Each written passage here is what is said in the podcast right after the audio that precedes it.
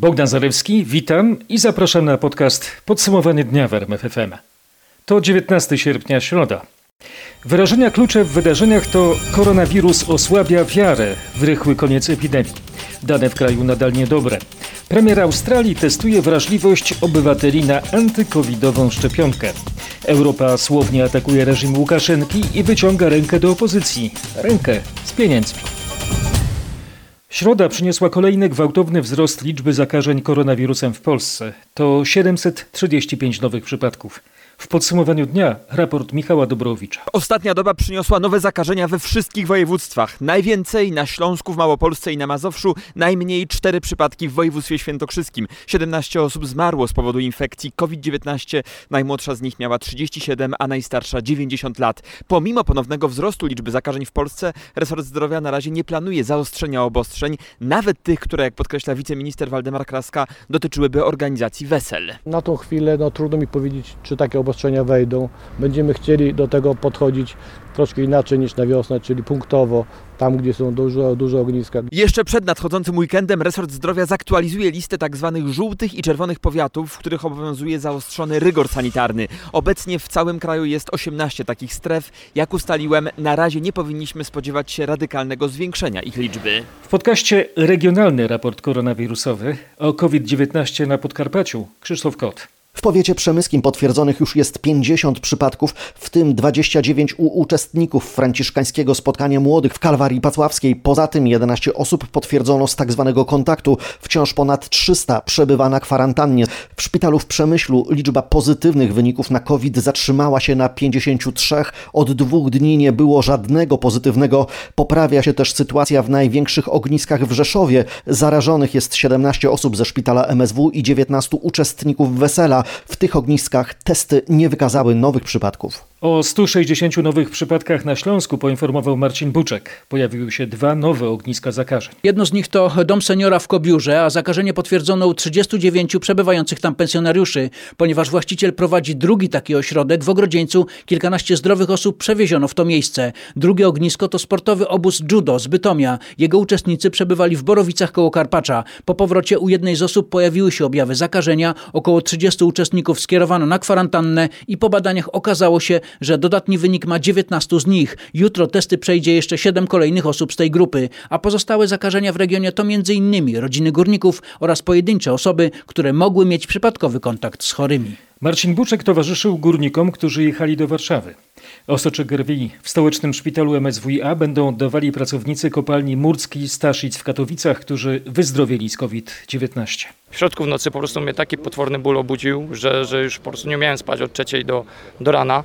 Później przyszła gorączka wysoka, no i później już lekarz rodzinny skierował do, do szpitala w Tychach. Tam pobrali wymaz, stwierdzili właśnie o wyjeździe do izolatorium, no i tak się wszystko, reszta cała potoczyła. A ile czasu tam pan spędził?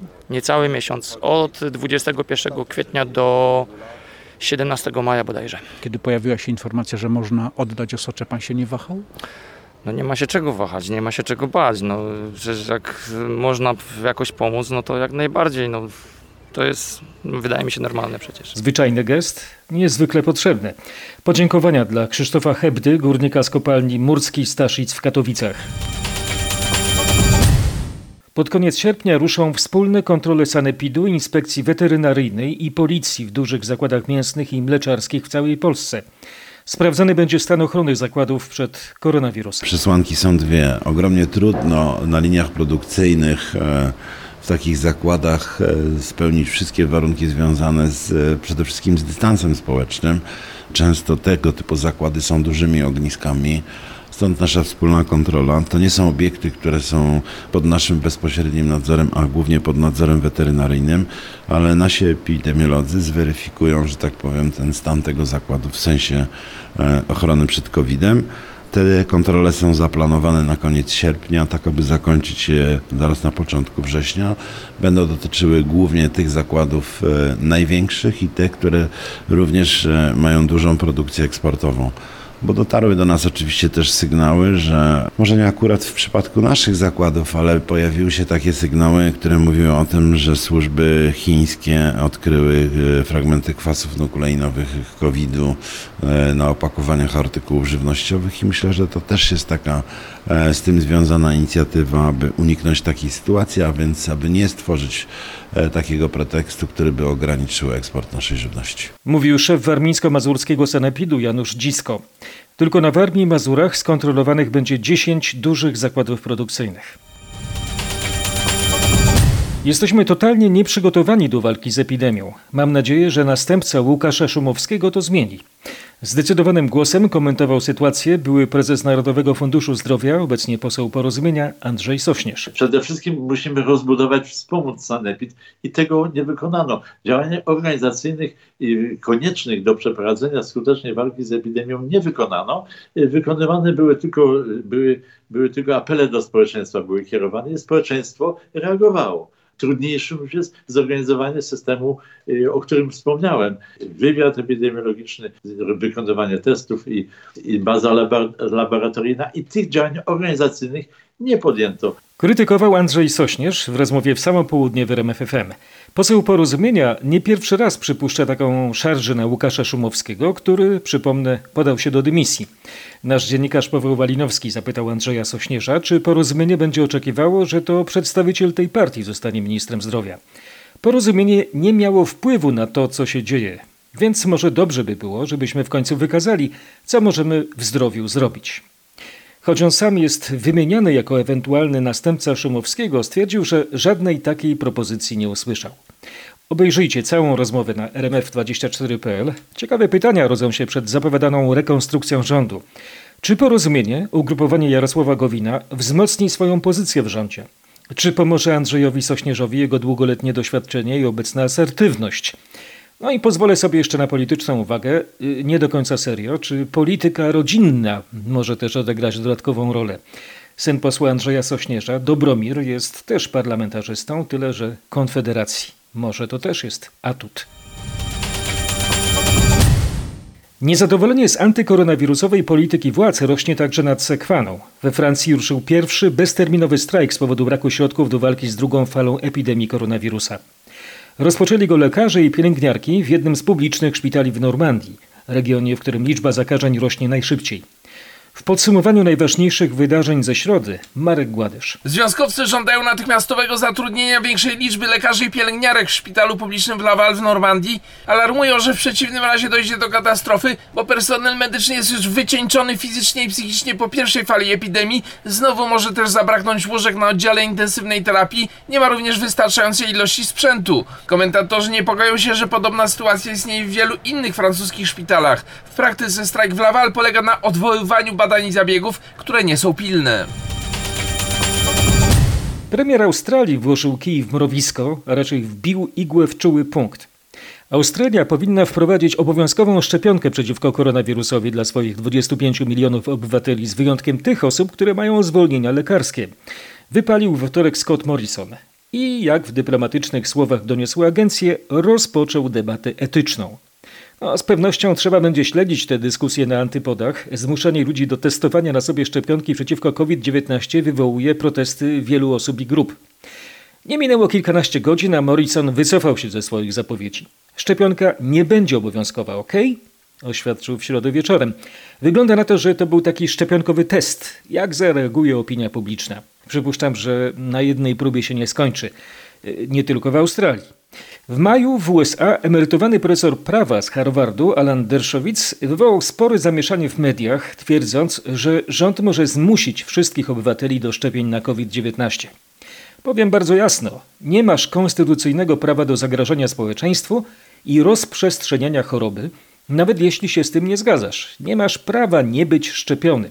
A jeśli odmówisz szczepienia, państwo ma prawo dosłownie zabrać cię do lekarza i wbić igłę w ramię. Czy więcej będzie takich derszowiców na świecie? Ja się obawiam takiego przymusu. A co wy sądzicie? Może to trafny argument. Napiszcie na moją skrzynkę bogdan.zalewski rmf.fm. Jeśli interesuje Was taka dyskusja, powrócę do tematu w czwartkowym podsumowaniu dnia. Szefowie państw i rządów Unii Europejskiej wezwali białoruskie władze do powtórzenia wyborów prezydenckich. Zdecydowali o pomocy dla organizacji pozarządowych i osób represjonowanych przez reżim Aleksandra Łukaszenki. To finansowe wsparcie wyniesie 53 miliony euro. Oprócz tego Rada Europejska zapowiada sankcje wobec osób uczestniczących w fałszowaniu wyborów, a także w represjach wobec uczestników ulicznych protestów, jeśli dojdzie do ponownego głosowania. Niezależne międzynarodowe organizacje pomogą w jego przygotowaniu, mówił premier Mateusz Morawiecki. Cała Rada Europejska jednoznacznie potępiła przebieg wyborów i stwierdziliśmy, że te wybory powinny zostać powtórzone, że one żadną miarą nie mogą być uznane za uczciwie przeprowadzone, wolne i nie mogą być uznane za demokratyczne. Premier Morawiecki, mówiąc też o polskim wsparciu, zapowiedział uproszczenie procedur dla Białorusinów chcących wjechać do naszego kraju. Krzysztof Zasada relacjonował wideokonferencję szefów państw i rządów krajów Unii poświęconą kryzysowi u naszych wschodnich sąsiadów a wcześniej przekazał niezwykle istotne dla nas informacje na temat decyzji prezydenta Białorusi. To program, jak określają to rządowe media, przywrócenia ludziom spokojnego kraju. Pogranicznikom Łukaszenka polecił wzmocnienie ochrony całej granicy, by jak to ujął, uniemożliwić przenikanie na Białoruś bojowników, broni, amunicji i pieniędzy na finansowanie ulicznych protestów. Wojsko zostało już przegrupowane na zachód kraju, ma się jednak skupić przede wszystkim na sytuacji w okolicach Grodna. Tam Łukaszenka widzi największe zagrożenia dla kraju, i przekonywał, że tam jest jeszcze większa chęć destabilizacji sytuacji niż w Mińsku. MSW z kolei ma całkowicie wyeliminować zamieszki w kraju, szczególnie w stolicy. Ma się też skupić na ochronie pracowników. Tu nie wprost, ale Łukaszenka dał sygnał do pacyfikacji strajków w kluczowych zakładach pracy. Tysiące polskich firm są zainteresowane rozszerzeniem współpracy z Białorusią, powiedział główny ekonomista Krajowej Izby Gospodarczej Piotr Seroczyński, odnosząc się do zaakceptowania przez Grupę Wyszehradzką planu wsparcia m.in. dla białoruskich przedsiębiorców. W naszym interesie leży, by wplątywać Mińsk w łańcuchy dostaw, które są nam potrzebne i wspólnie wytwarzać produkty, powiedział Saroczyński. Ekspert przypomniał, że Białoruś jest w obrębie Unii Celnej z Kazachstanem i Rosją, co w znaczący sposób może ułatwić eksport na tamtejsze rynki. Zaznaczył, że już obecnie białoruski przemysł jest istotnym partnerem dla wielu polskich firm, zarówno jeśli chodzi o eksport, jak i import. Za wschodnią granicę, jak mówił, trafia na przykład nasza elektronika, urządzenia RTV i AGD, sprzęt transportowy, żywność i meble. Polskie firmy importują na przykład produkty ropopochodne. Wskazał też, że Białoruś jest bardzo ciekawym rynkiem pod względem produkcji żywności, ale brakuje im maszyn i urządzeń do przetwarzania. Kraj ten ma trochę swojego przemysłu, który warto unowocześnić, prowadzić nowe technologie, dodał Soroczyński. Uważajcie na oszustów podszywających się pod znane internetowe serwisy z filmami i serialami, ostrzega nasz dziennikarz Krzysztof Berenda. Banki informują, że wielu klientów pada ofiarami przestępców, którzy właśnie tak wyłudzają dane kart płatniczych i w efekcie pieniądze. To dotyczy klientów takich serwisów z filmami i serialami jak Netflix, HBO Go, Amazon Prime i innych podobnych. Oszuści wysyłają do klientów maile o takiej treści. Drogi kliencie, nie udało nam się autoryzować płatności za kolejny cykl rozliczeniowy, dlatego zawiesiliśmy Twoje członkostwo. Kliknij załączony link, żeby je odwiesić. No i kliknięcie w ten link przenosi nas na podrobioną stronę na której jesteśmy proszeni o podanie numeru karty oraz kodu CVV, czyli tych trzech cyferek z odwrotu naszej karty płatniczej. Jeżeli ktoś te dane poda, to szeroko otworzy złodziejom drzwi do swojego konta bankowego. Złodzieje będą mogli ukraść wszystko. Zachowajcie więc ostrożność i w razie czego logujcie się na oficjalne strony serwisów z filmami.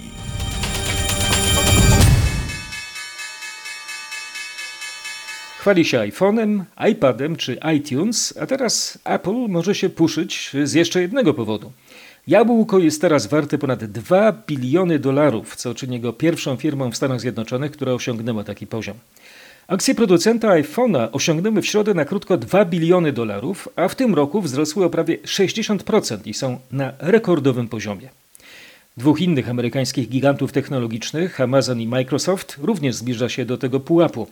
Obie wyceniane są na około biliona 600 miliardów. Właściciel Google Alphabet jest również wart ponad bilion dolarów. Giełdowe indeksy S&P 500 i Nasdaq biją rekordy. Są w miejscu, w którym były zanim koronawirus uderzył w Stany Zjednoczone. A dzieje się tak, jak czytam w depesze AP, mimo że miliony pracowników w Ameryce nadal otrzymują zasiłki dla bezrobotnych i upada wiele firm.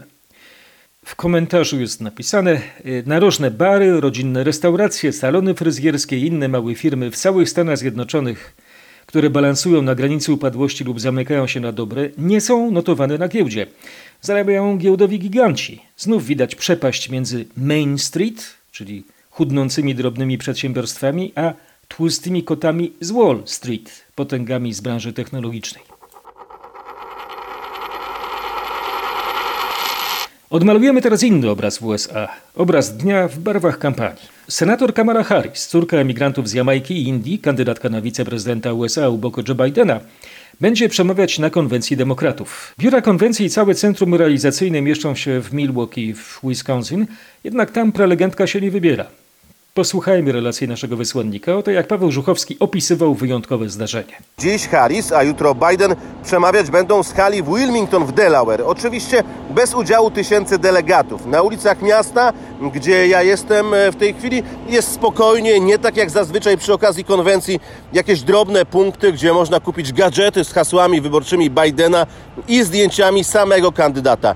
Dzisiejsze wystąpienie Harris będzie bardzo ważne. To jedno z najważniejszych przemówień w czasie kampanii, tej, która właśnie wchodzi w decydującą fazę. Harris będzie chciała przekonać do głosowania na Bidena niezdecydowanych wyborców. Z Wilmington w Delaware, Paweł Żuchowski. Papież Franciszek zaapelował o uwolnienie postaci Matki Bożej i uroczystości religijnych spod wpływów mafii. Tak powitał powstanie we Włoszech specjalnej grupy, której celem jest niedopuszczanie do takich zdarzeń jak pokłony procesji przed domami mafiosów.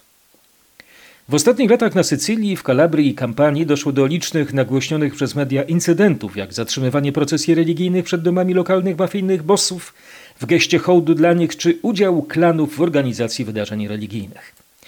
W środę włoskie media opublikowały list Franciszka do papieskiej Międzynarodowej Agencji Maryjnej i uczestników konferencji, w trakcie której utworzono specjalną grupę zadaniową złożoną z przedstawicieli sił bezpieczeństwa, prokuratury do spraw walki z mafią i kościoła. Ma ona zwalczać takie incydenty i nie dopuszczać do nich. Papież, jak podkreślają włoskie media, pobłogosławił tę inicjatywę, zapewniając, że przyjął ją z zadowoleniem oraz uznaniem. Przewodniczący Papieskiej Akademii, ojciec Stefano Czekin, wyjaśnił, że idea utworzenia grupy zadaniowej nawiązuje do słynnych słów świętego Jana Pawła II, który w Agrigento na Sycylii w 1993 roku w emocjonalnym przemówieniu ostro zaatakował mafiozów. Ojciec święty kontra ojciec chrzestny. Niezwykła walka dobra ze złem.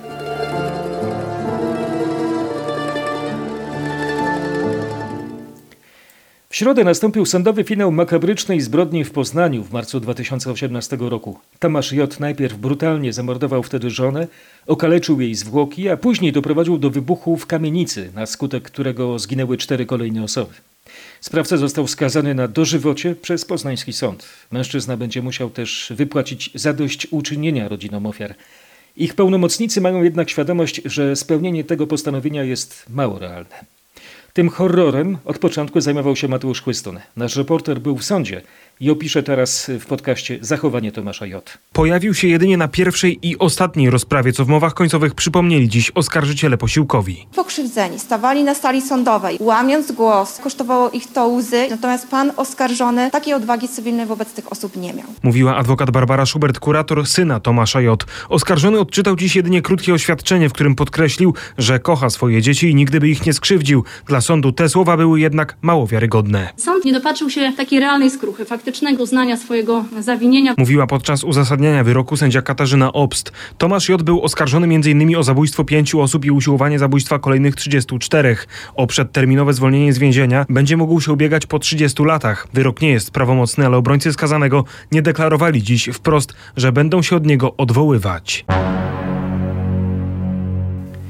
Z kolei przed warszawskim sądem okręgowym ruszył proces trzech mężczyzn z tzw. Tak gangu karateków, oskarżonych o zamordowanie w 1991 roku byłego premiera w okresie PRL-u Piotra Jaroszewicza i jego żony Alicji. Śledztwo w tej sprawie trwało ćwierć wieku. Dopiero w grudniu zeszłego roku krakowska prokuratura postawiła akt oskarżenia członkom gangu, który w latach 90. zasłynął z brutalnych napadów rabunkowych. Grzegorz Kwolek był na pierwszej rozprawie.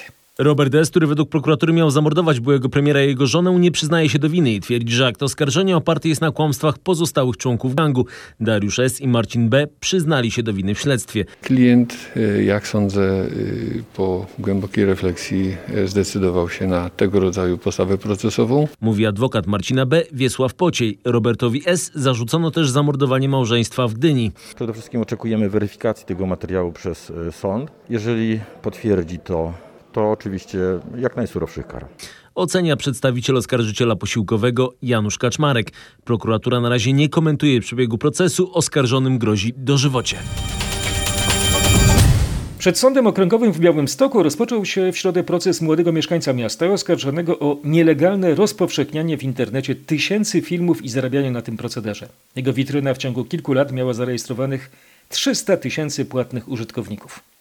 25-latek został zatrzymany jesienią 2019 roku. W jego mieszkaniu został zabezpieczony sprzęt komputerowy, kopie serwerów, portfele sprzętowe kryptowalut, do tego 42 tysiące złotych w gotówce.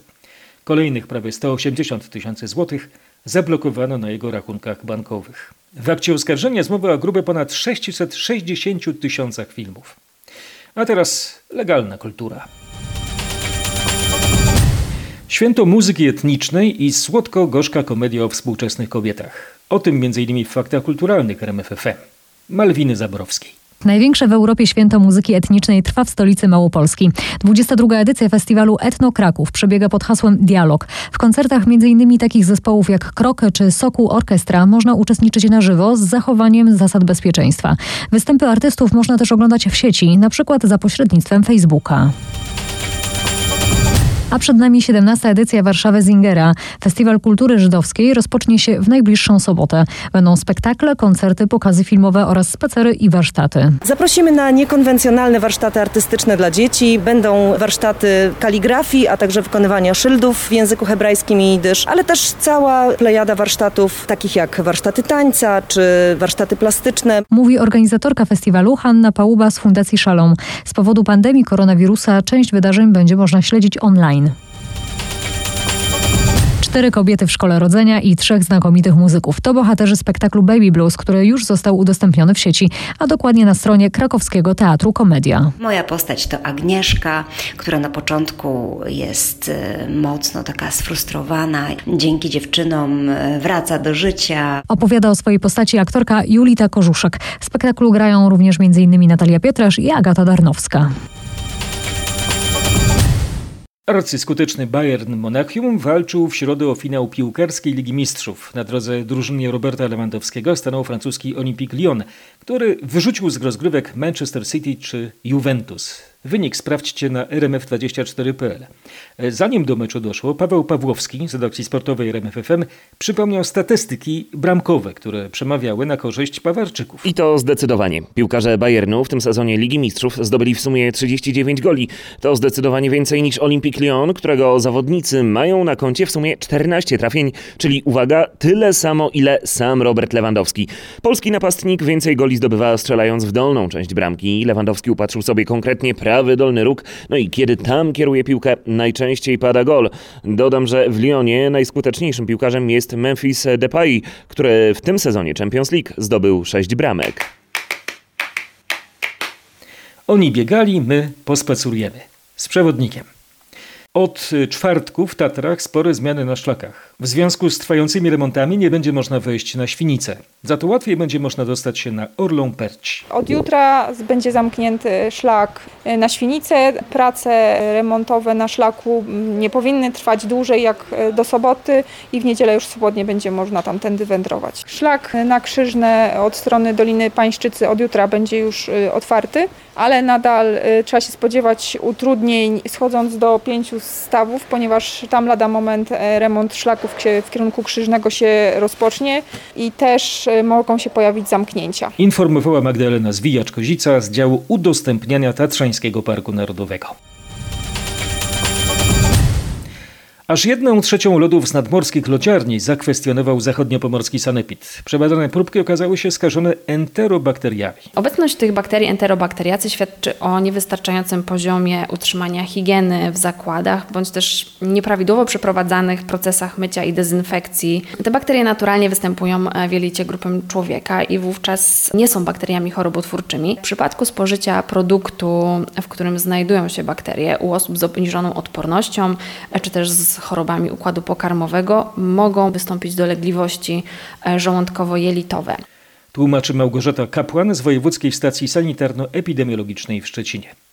Sanepid do czasu wyczyszczenia automatów zakazał sprzedaży pochodzących z nich lodów w sześciu punktach, m.in. w Świnoujściu, Międzyzdrojach czy Szczecinie.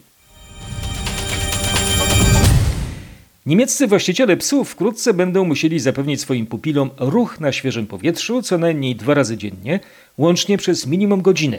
Tak wynika z projektu rozporządzenia przedstawionego przez minister rolnictwa Julię Klöckner z CDU. Klöckner stwierdziła, że wiele z prawie 9,5 miliona psów w kraju nie ma zapewnionych odpowiednich ćwiczeń ani bodźców. Zwierzęta nie są maskotkami, ich potrzeby należy brać pod uwagę, powiedziała agencji DPA. Nowe przepisy miałyby zostać wprowadzone na początku przyszłego roku. Projekt opublikowano w poniedziałek. Agencja DPA poinformowała, że Klöckner chce także wprowadzić surowsze przepisy dotyczące transportu zwierząt i hodowli psów. Zgodnie z projektem hodowcy psów powinni opiekować się szczeniętami przez co najmniej 4 godziny dziennie, a opiekun może zajmować się maksymalnie trzema miotami w tym samym czasie. Trzymanie psów na uwięzi będzie dozwolone tylko pod pewnymi warunkami. Na pytanie, w jaki sposób kontrolowane będzie przestrzeganie przepisów, zwłaszcza w przypadku prywatnych właścicieli psów, minister powiedziała, że odpowiadają za to władze krajów związkowych. Brytyjski dziennik The Guardian napisał w swoim serwisie internetowym, że pomysł skrytykowali niektórzy właściciele psów. Argumentowali oni, że zdrowie niektórych piesków może nie pozwolić na długie spacery. Projekt skrytykowała nawet partyjna koleżanka Klöckner Saskia Ludwig. Napisała ona na Twitterze, że w czasie upałów nie będzie zabierać swojego psa rasy Rhodesian Ridgeback na dwa spacery dziennie, zamiast tego wskoczy z nim do rzeki, żeby się ochłodzić. Wywęszyliśmy pewien punkt. Z akcją Przebojowa Firma zawitaliśmy dzisiaj na Dolny Śląsk. Kolejnym miejscem polecanym przez słuchaczy RMFFM jest salon grumerski, czyli pielęgnacyjny, stylowy pies przy ulicy Energetycznej we Wrocławiu.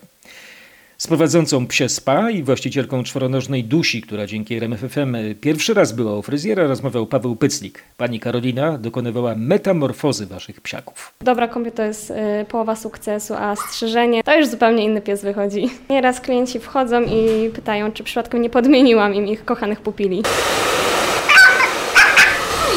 Należy się tutaj certyfikat przebojowej firmy pani Karolinie? Myślę, że zdecydowanie za cierpliwość do tego psa, bo ona jednak przez swoją ciekawość jest bardzo żywiołowa, no a pani Karolina jest bardzo sympatycznym człowiekiem. U fryzjera, no czekając w kolejce można sobie poczytać gazetę, tutaj nie wiem. Mam zabawki, nawet y, na pierwszą wizytę rozdaję kosteczki własnej roboty. Pies Cezar zaszczekał po łacinie, alea jacta est, kosteczki zostały rzucone. A ja dodam finis coronat opus, czyli koniec wieńczy dzieło. Bogdan Zarewski, dziękuję za uwagę.